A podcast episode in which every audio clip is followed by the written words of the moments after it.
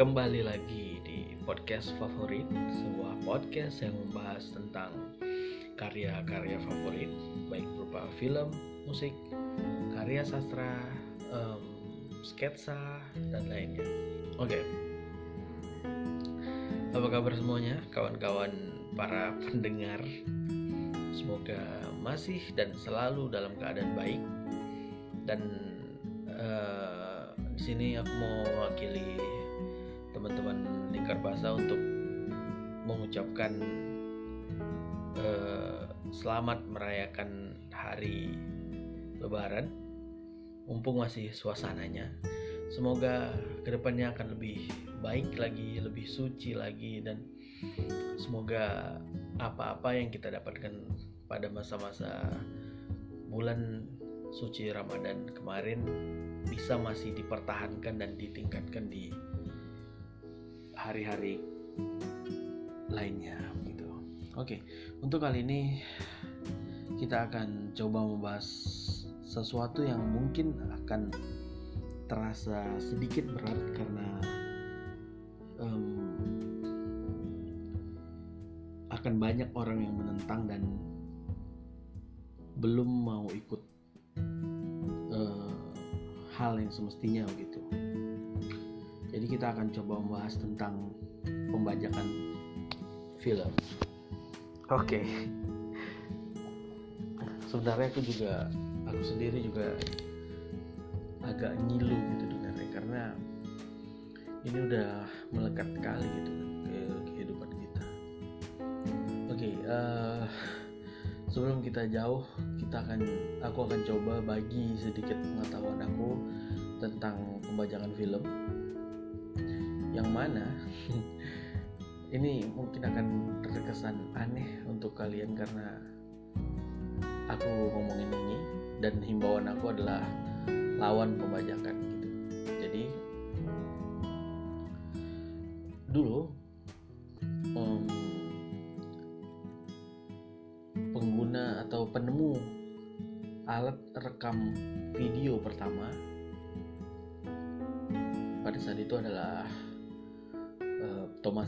Edison.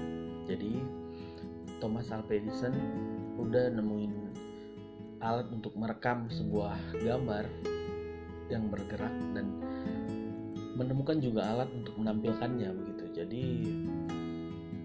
pada saat itu uh, film-film belum masih masih di zaman drama teater kan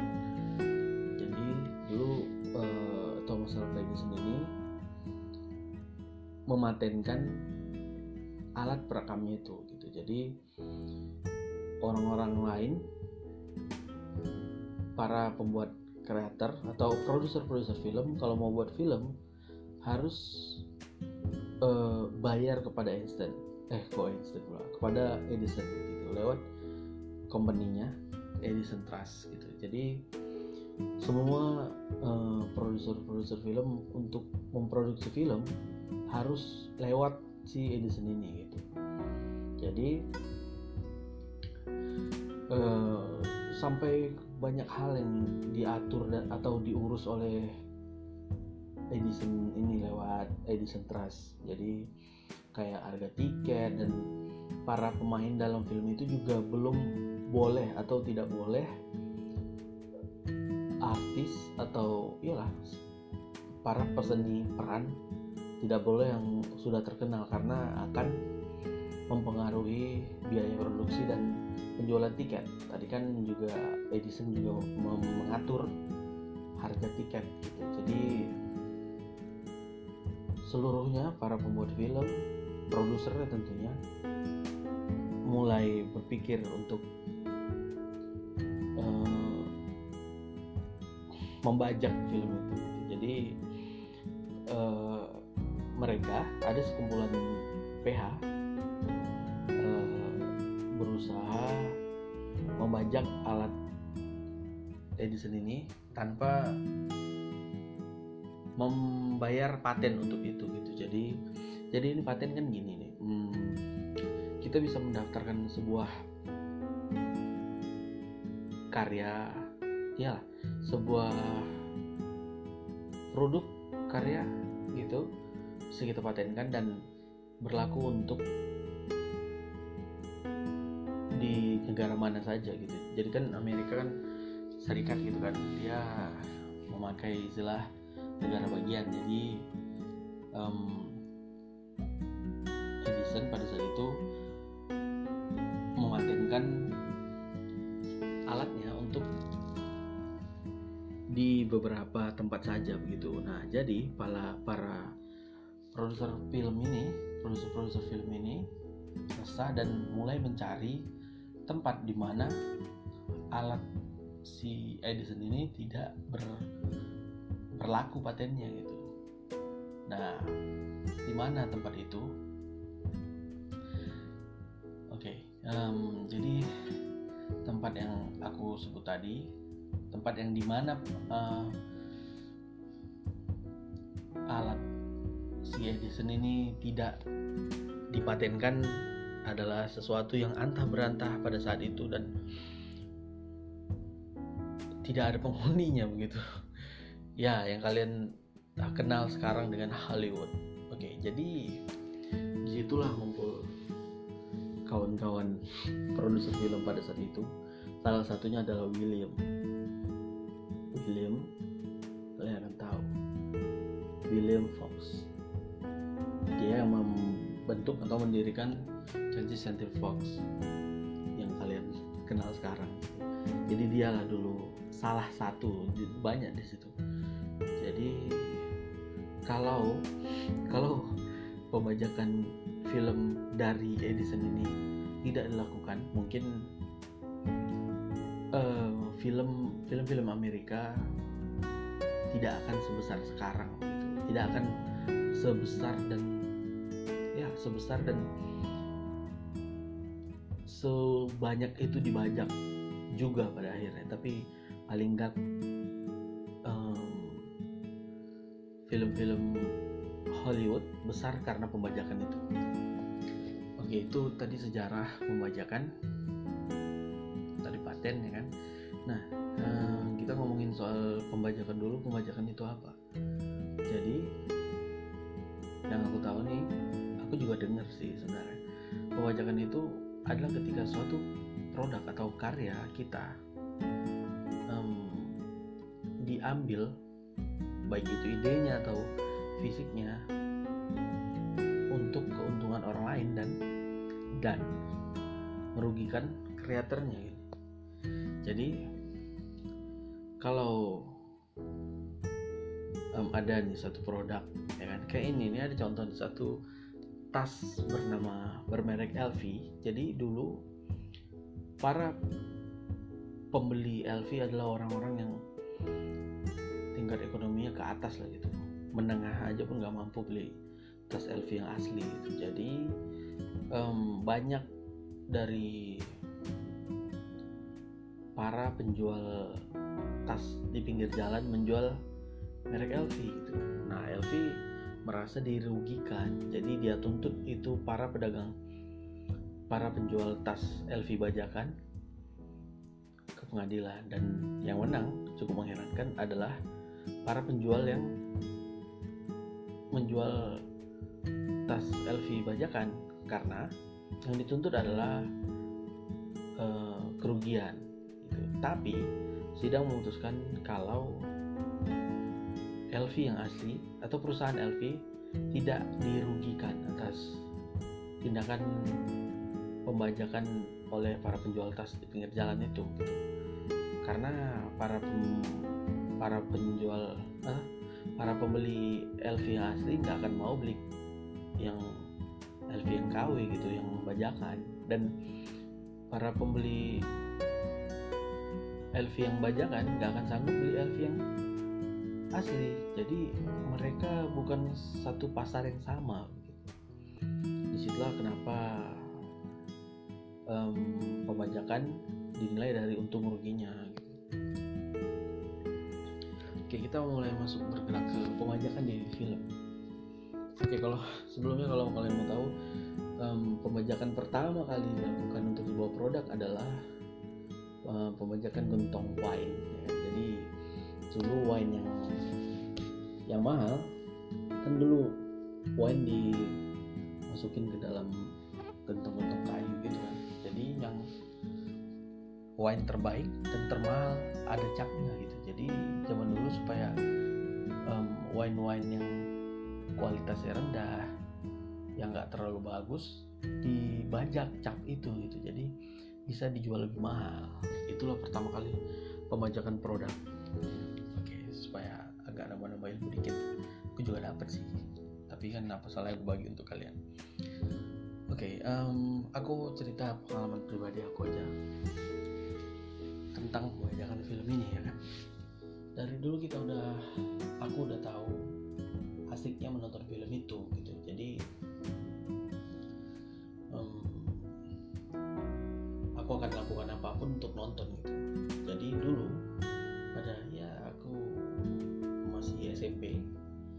masih SMP aku nonton film dari CD CD atau DVD gitu.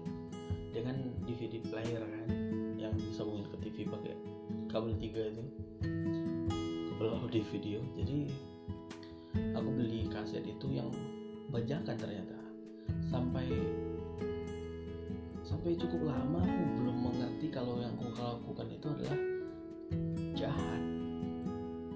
yang aku lakukan itu adalah pembajakan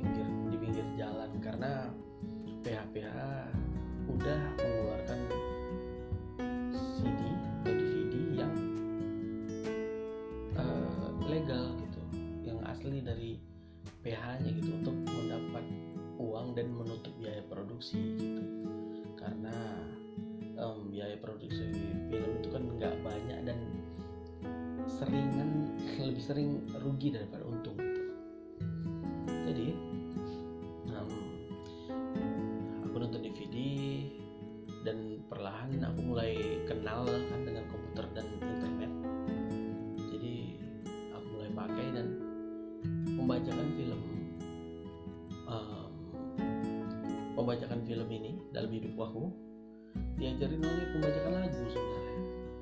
Diajarin ya tanda tanda petik. Diajarin. Jadi dulu kan em, dulu kan masa-masanya kita punya banyak lagu tapi udah bergeser dari budaya kaset yang dimasukin ke tape itu udah pindah ke digital gitu. Karena kan dulu handphone handphone pun juga udah multimedia bisa muter musik dengan format MP3 gitu. Jadi dulu kan dan dulu kan masih ada banyak counter-counter yang bikin lagu besar-besar bisa isi lagu gitu. Dan sebenarnya ilegal. Dia juga download dari internet. Jadi budaya ini datang dari budaya budaya download film ini datang dari sebenarnya dari budaya download lagu. Jadi dulu em, aku udah tahu caranya download lagu apa yang lagu aku suka. Dari share ya kan? Ada tuh sering yang minta lagu downloadkan lagu ini lah gitu. Aku download di share udah ada pada saat itu. Aku download lagu tapi aku iseng ngetik video klipnya gitu. Video klip lagu ini misalnya muncul video nah muncul ide aku kenapa aku nggak download film aja. Nah aku cari-cari cari-cari rupanya ada em, situs web yang menyediakan download film gratis gitu yang bisa diputar di laptop atau di HP juga bisa pada saat itu. Kalau dia formatnya MP4 atau 3GP lah. Bisa diputar di situ kan. Aku download itu waktu itu masih webnya masih ganol.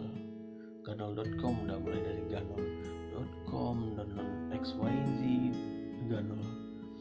Macam-macam lah udah ganti-ganti tuh nama domainnya. Em, jadi setelah aku download dari situ dan pada saat itu aku nggak merasa bersalah. Udah download film dari Ganol dan aku nggak tahu kalau itu ilegal. Sebenarnya kebanyakan dari kita belum paham um, apa yang kita lakukan itu jahat gitu. Kita belum paham. Jadi uh, yang salah dari orang yang belum paham kan bukan kesalahan yang dia buat tapi ketidakmauan dia belajar kan. Jadi podcast ini datang untuk membantu kalian untuk mengerti gitu. Semoga. Jadi um, lama-lama film yang aku download kualitasnya makin baik makin baik. Dan itu kebanyakan tidak berada di Ganol. Itu berada di torrent. Masih ingat itu? Zaman torrent. Jadi aplikasi uh, webnya dulu. Webnya itu Kickass uh, torrent gitu. Kalau bisa dicari dicari di URL browser cari aja cut.ph tapi udah sekarang udah diblok ganti-ganti namanya jadi Kickass Torrent jadi KT Torrent Kickass gitu-gitu lah. Nah aplikasi untuk mendownload itu adalah uTorrent atau BitTorrent gitu. Jadi dari web itu menyediakan linknya aja gitu. Link dan nanti link itu di copy masukkan ke dalam uh, tempat yang tersedia di uTorrent atau BitTorrent untuk dipaste, di paste atau diketikkan di kolom URL dan akan muncul download videonya gitu, video film. Nah, itu aku lakukan cukup lama dan kemudian aku menemukan satu trik karena kan kalau kalau aku duduk di warung internet atau warnet um, selama aku mendownload film kan sepertinya juga banyak hal yang aku korbankan kan. Uang dan waktu gitu. Zaman dulu tau lah SMA jadi yang aku lakukan adalah ini agak nyesek sebenarnya. Aku datang ke warnet. Aku bilang sama tukang warnet bang main bang. Bebas ya kan? Dibuka lah komputer aku. Aku install BitTorrent atau uTorrent aku buka Kickass Kickass PH cat, PH gitu. Aku buka aku pastekan semua. Aku pilih file-file yang aku mau film-film yang aku mau download. Biasanya untuk satu hari aku bisa download 20 film gitu. Aku masukin aku download aku masukin linknya ke BitTorrent atau uTorrent dan downloadnya akan berjalan walaupun aku nggak main di situ lagi. Jadi ketika komputernya mati terus hidup lagi downloadnya akan auto resum gitu langsung auto resum lah.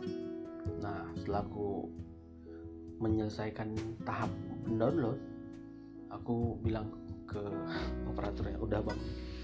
Jadi biasanya cuma makan waktu 20 menit paling lama dan aku harus cuman harus bayar 10 ribu doang. Eh 10 ribu 1000 1000 doang nah um, aku lakukan itu pagi-pagi biasanya. Belum ada yang datang biasanya jam 7 jam 7 pagi dan aku ambil sorenya gitu. Aku siapin flash disk aku datang sorenya aku masuk ke komputer yang sama di warnet yang sama itu. Misalnya aku masuk ke warnet A dan kom 8 misalnya. Nah aku main di situ lagi. Aku harus tunggu sampai kom 8 kosong. Nah jadi aku bang main bang kom 8 ya kan? Nah film tadi udah selesai di download dong. Aku pindahin ke flashdisk selesai. Aku hanya butuh uang 2000 untuk mendownload film bayangin itu. Oke. Okay.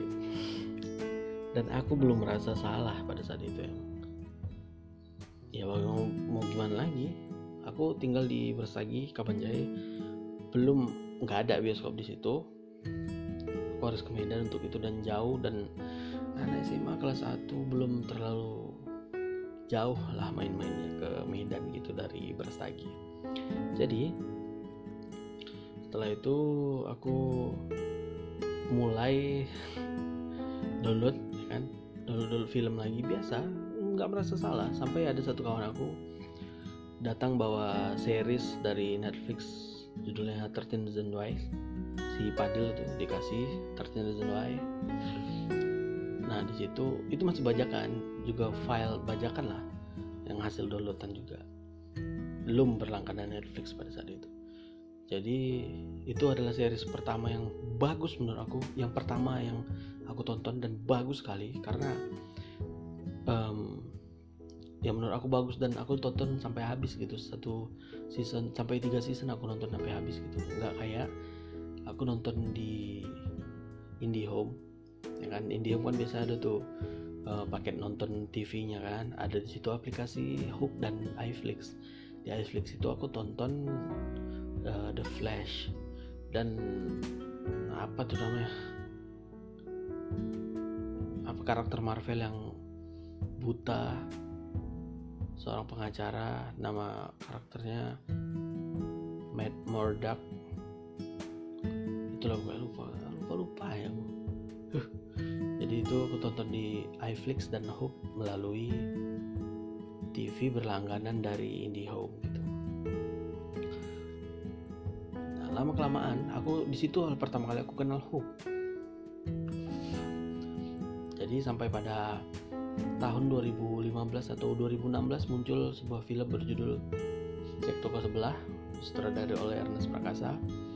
Diperankan juga oleh dia dan series itu komplit lah. Eh bukan series. Film itu kom komplit. Uh, dramanya dapat komedinya dapat dan nggak sekadar lewat gitu komedi. Komedinya membentuk cerita dan uh, ceritanya kuat kali gitu sampai ya aku nangis lah. Nonton cek tok sebelah. Well done Ernest. You're the best. Jadi uh, karena saking boomingnya tuh film dan penontonnya tembus 2 juta setengah kalau nggak salah dibuatin lah oleh Pak Parwes um, seriesnya yang tayang di Hook gitu. Aku tonton seriesnya episode 1, 2, 3 sampai 8 kan? Itu Hook masih memberikan tayangan itu gratis gitu. Sampai aku buka episode 9 dan aku harus bayar dong. Aku harus berlangganan hook. Ini apa-apaan? Tapi karena aku penasaran dan cara bayarnya mudah jadi aku bayar aja. Jadi pada saat itu bayarnya mungkin masih sampai sekarang. Eh sekarang udah udah bangkrut ya. Karena kemurahan mungkin juga. Dan banyak saingan juga. Jadi aku bayar 3900 aku bayar melalui pulsa empat ribu empat eh, lima ribu empat atau lima ribu perak lah. Bayarnya melalui pulsa gampang lah. Jadi um, aku bayar akhirnya aku nikmatin itu um, hook uh, cek toko sebelah eh, season 1 di hook ya kan? Aku bayar 3900 berapa sih 4000 atau 5000 gitu lah. Aku bayar di situ aku pertama kali membayar untuk menonton nah di luar bioskop tentunya itu udah udah ke Medan dan nonton bioskop. Tapi um, itulah pertama kali aku bayar untuk menonton selain di bioskop gitu. Oke bergerak mengenal series dulu yang kita tahu kan yang aku tahu anak dari Brastagi Kamanjaya yang jauh dari bioskop atau hal-hal teknologi lainnya menurut aku. Entah aku, aku doang kan yang kita tahu kan cuma tersanjung. Cinta Fitri ya kan? Cinta bunga. Ada satu lagi tuh melatih untuk Marvel. Kan kita tahu cuma itu sinetron ya kan? Seriesnya Indonesia gitu. Kalau sekarang kan ada ya K-pop eh K-drama. Juga ada um, series-series barat gitu. Jadi aku sukanya yang series barat emang. Oke okay, um, masuk ke uh, pada saat itu juga aku masih download film. Pada saat aku udah nonton cek toko sebelah dan bayar melalui uh, platform Hook itu aku masih download film lain di um, Indo XX1 itu. Itu yang pada saat itu terkenal kali sampai layar kaca 21 tuh. Aku tahu lagi semua itu ya kan? Udah expert aku dalam pem downloadan film. Jadi um, mulai masuk ke kampus mulai suka membuat film karena sudah sering dan senang sekali nonton film. Pada akhirnya kami dan teman-teman aku lainnya putuskan untuk membuat film produksi sebuah film pendek yang ya jauh dari kata bagus tapi paling nggak sudah dimulai lah gitu. Tetap dibanggakan dong ya kan? Jadi buat film satu dua tiga sampai pada akhirnya nemu kesulitan buat film itu. Masalah di dana masalah di um, para pemain waktu ya kan. Pada saat itu juga masih kuliah jadi ruang gerak nggak ada apa nggak terlalu bebas ya kan? nah pada saat itu ngerti bagaimana sulitnya membuat film. Dan masih tetap download film gitu. Yang dari platform-platform platform-platform yang ilegal gitu. Pada saat itu belum sadar juga gitu. Tapi udah tahu um, yang kita lakukan itu jahat. Karena kita tahu sulitnya bikin film itu ya. Nah tapi pada akhirnya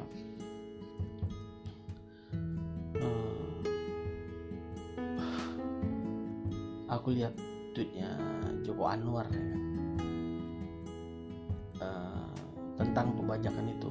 Sebenarnya itu yang menginisiasi aku untuk membuat podcast ini soal pembajakan ini karena terasa tersentil oleh tweetnya Joko Anwar tentang pembajakan gitu. Jadi udah tahu rasanya enaknya nonton series melalui download nonton series barat aku kebetulan nggak nggak terlalu mengikuti K-drama. Aku jadinya lebih mengikuti series-series dari barat Inggris gitu. Inggris Spanyol dan Amerika gitu kan. Aku banyak nontonnya itu. Nah udah ketagihan sampai pada satu titik di mana memang mengharuskan untuk mendaftar berlangganan Netflix gitu karena dicari dibajakan juga belum ada dan memang baru keluar di Netflix kan. Pada akhirnya oke okay, aku putuskan untuk berlangganan gitu. Nah nggak berhenti di situ. Masalah selanjutnya adalah untuk mendaftar atau berlangganan di Netflix agak sulit gitu. Karena metode pembayarannya melalui kartu kredit atau debit. Debitnya juga kayaknya mesti mesti yang sudah diatur untuk bertransaksi online dan di luar negeri itu. Jadi agak kesulitan dalam hal pembayaran metode pembayaran dan akhirnya belum juga mampu untuk berlangganan Netflix ini. Hingga pada akhirnya aku nemuin satu cara sebenarnya. Aku udah coba-coba kan daftar bank segala macam. Uh, aku pikir kartu debit yang aku daftar di bank itu bisa dipakai untuk bayar Netflix berlangganan Netflix padahal enggak. Aku nggak ngerti lah itu. Jadi yang bisa untuk sementara ini yang aku tahu hanya kartu kredit. Nah apa yang dipakai untuk? Dan pada saat itu kan belum punya kartu kredit. Dan sekarang juga belum punya sebenarnya tapi ada satu aplikasi yang memudahkan untuk kita memiliki kartu kredit gitu. Ini bukan sponsor atau apa aku memang terbantu kali karena adanya aplikasi Genius ini. Jadi pakai uh, credit card dari Genius ini kita bisa bayar Netflix untuk berlangganan gitu. Oke kalian daftar aja tuh.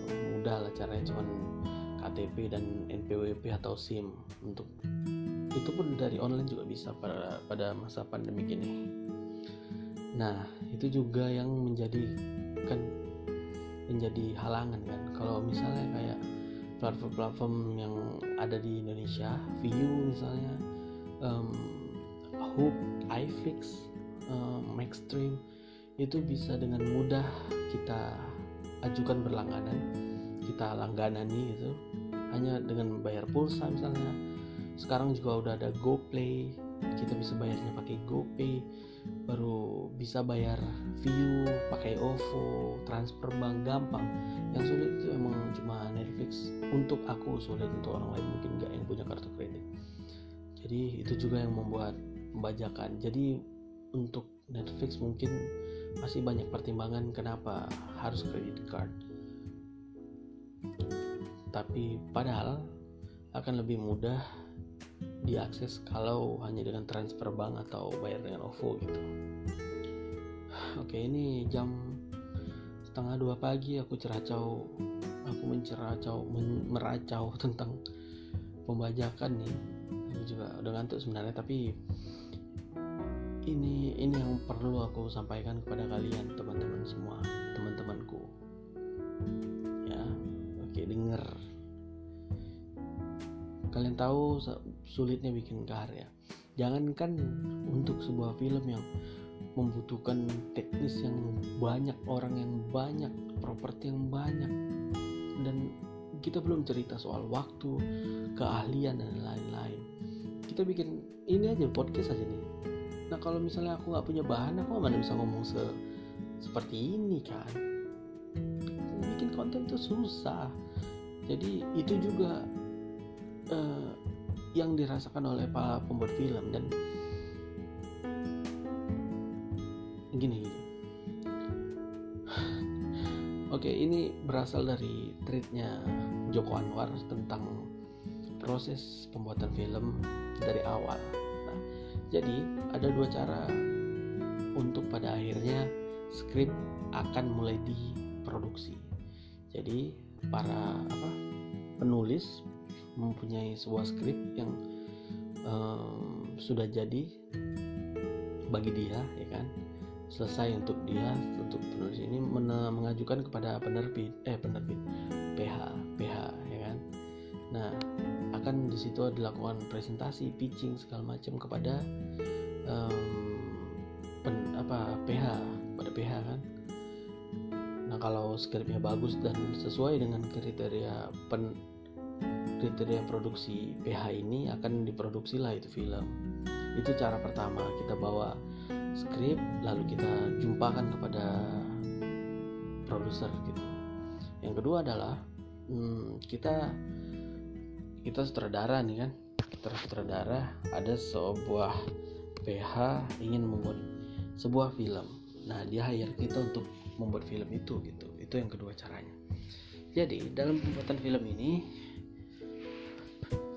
um, ada satu departemen enggak kurang ngerti sih. Uh, yang jelas dia adalah investor dari karya itu gitu. Jadi um, investor investor investor investor film ini disebut eksekutif produser. Jadi dia hanya memberikan uang lalu akan dikelola oleh produser dan lain produser untuk diteruskan diproduksi oleh sutradara gitu jadi um, investor tentu berharap akan untung setelah filmnya tayang gitu. Nah, kalau untung sih gampang ya. Maksudnya kalau untung kita nggak pening gitu um, laporan pada eksekutif produsernya gitu. Maksudnya kalau filmnya untung, ya tentu investor akan tetap menginvestasikan uang mereka lagi untuk produksi film selanjutnya gitu. Tapi gimana kalau rugi gimana kalau uh, ya rugi nggak balik modal lah minimal gimana kalau gitu oke okay.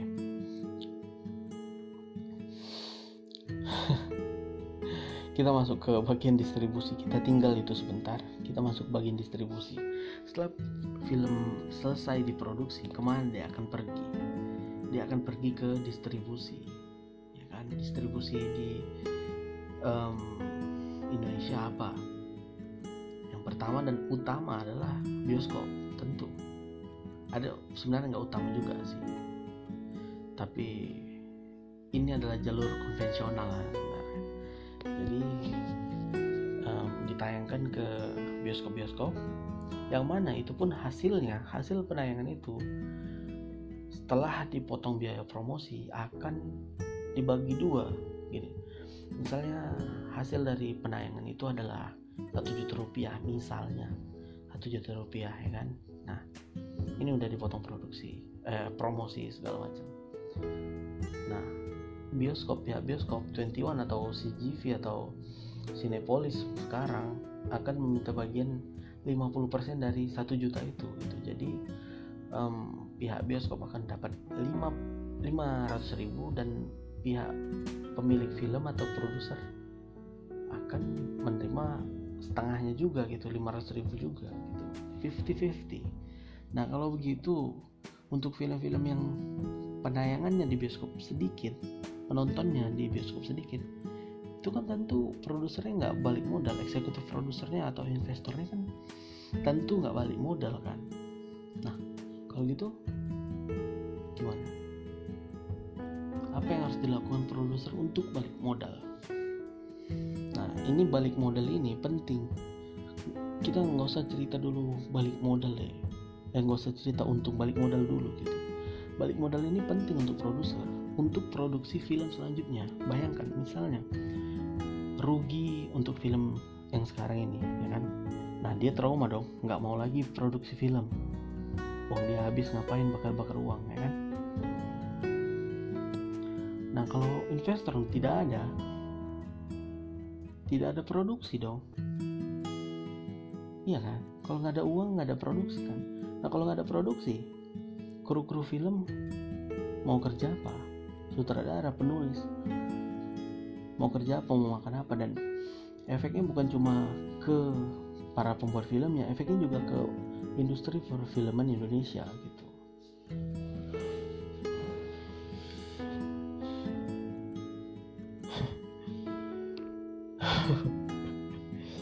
Oke, mungkin kalian akan berpikir skeptis terhadap aku karena selama ini juga kalian tahu aku yang suka sekali bagi-bagi film. Dan itu aku belum merasa salah gitu. Pasti masih banyak kawan-kawan di luar sana yang merasa itu nggak salah. Dia nggak salah gitu. Aku nggak salah. Kenapa gitu? Padahal yang dilakukan itu jahat gitu.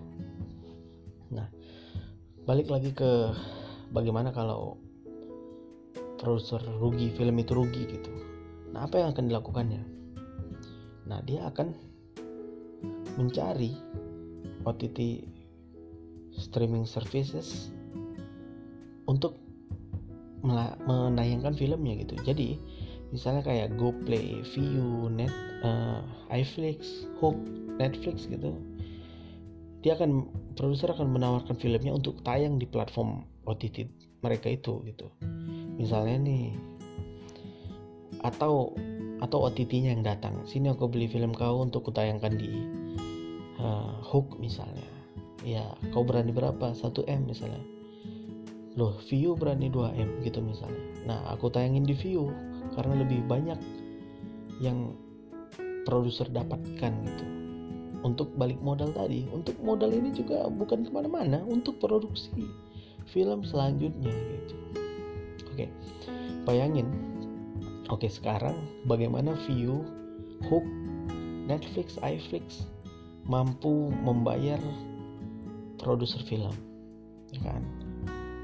Produksi film itu. Bagaimana caranya? Nah, itu datang dari berlangganannya kita gitu. Kayak tadilah aku bayar 4 ribu atau 5 ribu untuk satu hari nonton di Hook misalnya. Nah, uang itu yang dikumpulkan untuk membeli film hak tayang film itu atau memproduksi biasanya itu kayak Hook original series, Hook origin a view a, a view original series gitu atau uh, Netflix original production gitu gitulah Netflix original gitu gitu uang yang didapat untuk mereka produksi film atau membeli hak tayang film itu datang dari berlangganannya kita gitu. Nah jadi kalau misalnya pembajakan bajakan atau situs-situs web bajakan masih selalu ada dan kayaknya memang nggak pernah mati. Mati satu tumbuh seribu kan kalau misalnya uh, film-film ini berserakan di dunia internet dengan tidak legal atau ilegal dan gratis jadi siapa yang akan berlangganan Netflix? Siapa yang akan berlangganan Hook? Yang mana itu akan uh, dijadikan untuk membayar film dan uh, setelah film itu dibeli dari produser dan produser akan produksi lagi sehingga uh, industri perfilman kita jalan muter terus gitu. Dibandingkan dengan tadi yang tidak ada uh, atau keru atau kerugian yang didapatkan oleh produser film tadi gitu. Nah kalau gitu apa yang lagi kalian tunggu? Ini nih gini loh. Ini Netflix. Netflix nih loh kita bisa berlangganan hanya modal 50 ribu. 50 ribu selama satu bulan. Satu bulan. Belum lagi yang lain. Misalnya view. Kalau kalian-kalian yang suka drama kalian akan lebih banyak disuguhkan di view. K-drama uh, yang Korea-Koreaan lah. Biasanya lebih banyak di view. Di iFlix juga. Gitu berlangganan lah di sana. Video video.com GoPlay um, iFlix Hook. Hook udah nggak ada udah tutup. Bangkrut. Berlangganan lah di sana untuk menggerakkan lagi film-film industri film Indonesia. Karena gini misalnya lah tadi um, investor rugi dan tidak akan tidak ingin lagi memproduksi film dan uh, para kru film mati karena tidak ada kerjaan dan industri film lebih parah matinya. Lalu kita menonton apa? Lalu kita akan bajak film luar lagi.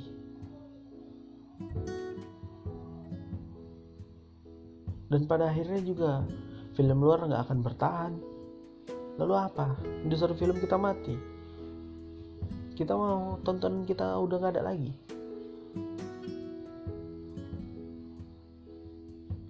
Ayolah kawan-kawan. Ayo. Cerah cawan yang di tengah pagi ini di tengah pagi. Ya di tengah malam hujan ini semoga bisa menjadi sesuatu untuk kalian karena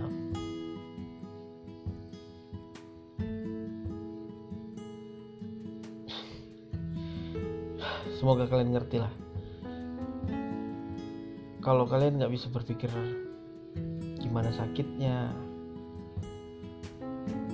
film industri, industri film Indonesia nggak jalan kalian mungkin bisa mikir ke bagaimana kalau kalian yang jadi kru film? Kita nggak usah mikirin uangnya dulu. Kalau kalian ingin jadi salah satu dari filmmaker itu dan kalian sudah melakukannya dan kalian tahu buat film itu capek mahal butuh skill apa kalian rela karya kalian dibajak kawan-kawan. Oke semoga podcast ini nggak seperti julid. Karena aku yakin akan banyak yang um, skeptis pasti. Allah barbar. Aku tahu pasti akan banyak seperti itu tapi coba pelan-pelan berlangganan lah